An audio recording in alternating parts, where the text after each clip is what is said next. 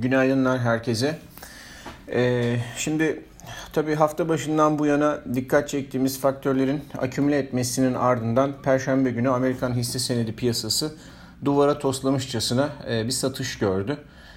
E, üç ana endeksten en az düşen Dow Sanayi Endeksi bile günü %2.78 ekside kaparken e, zaten bir süredir e, FENG hisseleri liderliğinde aşırı alımda olan Nasdaq Teknoloji Endeksi bir ara %5.77 değer kaybettikten sonra günü %4.96 ekside kapamış vaziyette.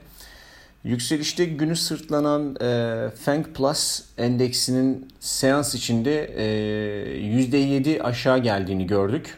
Ama o da e, son seans sonuna doğru biraz toparlayarak günü %6 ekside kapamayı başardı. Endeksin e, içindeki hisselere şöyle bir baktığımızda ee, işte en çok düşenlerin başında zaten son zamanların en fazla e, yükselen, en hızlı yükselen ve parabolik yükseliş yakalayan e, Apple, Tesla ve e, Nvidia'da olduğunu görüyoruz. Bunlar %8, %9 marjında düştüler. E, tabii e, bu şekilde düşerek dünkü e, sabah notlarında bahsetmiştim. Ee, hem endekslerde hem bu FENG hisselerinde özellikle e, hareketli ortalamalarla fiyat arasındaki mesafe açıklık anormal derecelere gelmişti. Bunları biraz normalize etmeye başladı ama e, yani baktığınızda mesela Apple hissesinde 200 günlük hareketli ortalamaya uzaklık %32 e, oranında, Tesla'da %57 oranında yani hareketli ortalama fiyatın yarısında kalmış vaziyette falan gibi hikayeler söz konusu. O yüzden e, belki biraz daha satış gelebilir e, ama yani bunun hani fundamental olarak e, veya sistemik risk nedeniyle e, başlayan bir satış hareketi olduğunu düşünmüyorum. Bunun e, bir e, teknik bir düzeltme ve bir miktar kar realizasyonu olduğunu düşünüyorum.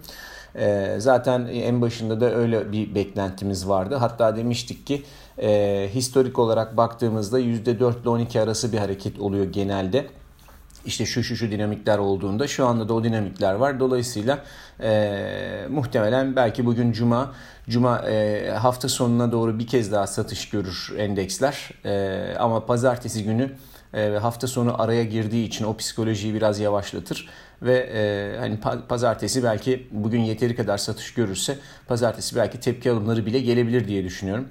Ee, şeye de baktığımızda Asya endekslerine de baktığımızda öyle çok abartı bir satış yok. Evet hepsi kırmızıda ama yani yüzde birli rakamlarda. Dolayısıyla böyle çılgın bir satış e, için henüz erken yani onu söylemek için o işler oldu demek için erken. Teknik bir harekete daha çok benziyor. Diğer yandan VIX endeksine bakınca e, dün %26,5 kadar, VXN endeksi ise e, %14 kadar yükseldi. VIX endeksi neredeyse 2,5 aydan beridir ilk defa 50 ve 100 günlük hareketli ortalamaların üzerinde kapanış yaparken VXN endeksi son derece kritik bir eşiğe geldi. bunu grafikte de gösterdim e-mail notunda. Bir bakmakta fayda olacaktır. Eğer cuma kapanışı ile birlikte yani bugün akşam da satış gelirse şöyle VX'nin 49-47 aralığına kadar gelebilmesi halinde iyice piyasayı yormuş olacaktır. Hem e, volatilite açısından hem de endekslerdeki satış açısından. Dolayısıyla e, belki dediğim gibi önümüzdeki hafta biraz daha e, sakin ve e, yatay veya yukarı yönlü bir hafta olabilir. Bugün e, gelecek tarım dışı istihdam biraz daha e, artık önem kazandı bu satışların ardından. E, piyasada ciddi bir fiyatlamaya yeniden hani neden olabilir aşağı yönlü bir harekete neden olabilir. Ee, daha uzun vadede baktığımızda ise Amerikan seçimleri döneminde geçmiş tecrübelerimiz bize VIX'in e, yükselme eğiliminde olacağını hatırlatıyor. Yani endekslerde biraz daha sallantı olabilir diye düşünüyorum. Ee, o yüzden alımlarda da biraz daha ihtiyatlı olmak lazım ama yine alım yapılabilir diye düşünüyorum eğer dediğimiz şartlar gerçekleşirse. Ee, tarım dışı istihdam verisine geçmeden önce endeks üzerine bir konuda bir şey daha söylemek istiyorum. Ee, yani endeksteki hareketin gelişi, gidebileceği yerler üzerine söyleyecek çok söz var. Bunların bir, birçoğunu söylediğimizi düşünüyorum. E, ama şöyle bir şey dikkatimizi çekiyor. Şimdi artık satış başladı ve bundan sonra hani nereye kadar gider kısmına bakıyorum. Ee, bir grafik paylaştım. Grafikte şu var. Ee, Nasdaq endeksinde Covid-19 satışının ardından gelen toparlanmada yani Mart ortasından itibaren gelen toparlanmada piyasanın en yüksek hacimle işlem geçirdiği yer e, 10.000 Nasdaq için konuşursak 10.055 seviyesi. E, 10.055 seviyesi en tepeden bakıldığı zaman e, şeyin e, endeksin %12,5 aşağısı oluyor. E, biz de zaten bunu işte %4, %12 arası falan demiştik. Dolayısıyla potansiyel olarak yine öyle bir harekete e, doğru gidiyor olabiliriz. E, bu en fazla hacmin geçtiği yer muhtemelen en fazla pozisyonlanmanın da olduğu yerdir. E, oranın altına gelmemesi için piyasanın bu 10.055 seviyesine doğru alımla birlikte e, o hattı defans yapacağını, savunacağını e, tahmin ediyorum. Dolayısıyla hani e, şu anda işte kapanırken 11.458 kapatmış e, Nasdaq endeksi. 10.500'e doğru hatta 11.000'in altından itibaren e, piyasadaki satışlar e, yavaş yavaş karşılanmaya başlar diye düşünüyorum. Bunu e, hacim verisiyle takip edeceğiz.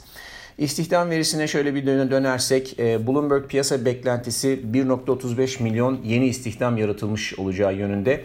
Geçen ay bu veri 1.76 idi. Yani çok hafif bir düşüş bekleniyor. E, ama yine de 1.35 milyonluk tarım dışı istihdam Covid öncesindeki rakamlara göre hani oranın ortalamasının 250 ile işte 150 arası olduğunu düşünürsek son derece yüksek bir rakam. Ancak e, bunun biraz da abartılı bir rakam olduğunu tahmin ediyorum. E, önceki gün beklentiye göre zayıf gelen özel sektör istihdamına ve ISM istihdamındaki zayıflığa bakarsak tarım dışı istihdam e, bu kadar yüksek gelmez diye düşünüyorum.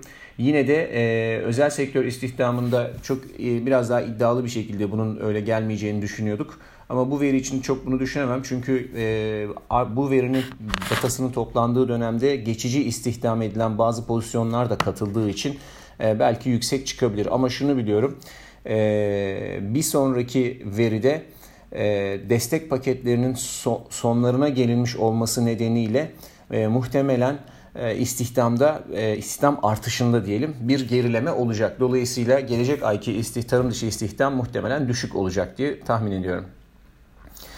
E, piyasaya geri dönersek endekslere gelen satışlar karşısında normal döngü işledi ve para tahvil piyasasına kaçmış vaziyette. 10 yıllık tahvil getirileri bir kez daha %0.63 ile son 30 günün en düşük seviyesine geriledi. Yani bu piyasa eğer e, endekslere gelen satışın devamı halinde e, tahvil getirileri 0.50 bölgesine kayarsa vadeli kontratlarda shortlamak için e, iyi bir fırsat ortaya çıkar diye tahmin ediyorum. Ama yine de e, faiz piyasası üzerindeki baskının devam edeceğini düşünürsek e, çok büyük bir marj beklememek lazım burada yapılan shortlarda. Ama yine de hani e, nasıl e, petrolde iyi bir short imkanı imkanı olur deyip bunu yakalamıştık. Burada da buna benzer bir short imkanı e, tahvilin %0.50'lere gelmesi halinde ortaya çıkar diye düşünüyorum. E, altın ve gümüş tarafına baktığımızda oldukça değişik bir dinamik olduğunu görüyorum.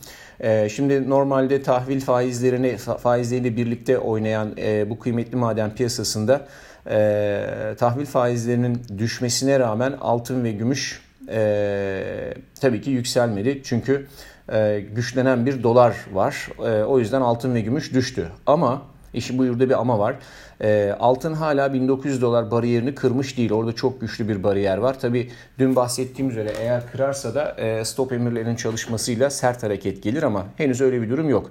Hatta bu noktada ayılar için çok iyi olmayan, boğalar için umut verici olabilecek bir gözlemimi paylaşayım e, spot metallerdeki ve hisse piyasasındaki satışa rağmen madencilik ETF'leri satışı desteklemiyor. Dün her ikisi de satış görmüş olmasına rağmen e, özellikle GDX bölü ons altın rasyosuna baktığımızda e, hala burada aşağı doğru net bir e, şey yok, eğilim yok. Yani e, ma, e, ETF, e, madencilik ETF'leri e, hala e, altın ve gümüşü bırakmış değil.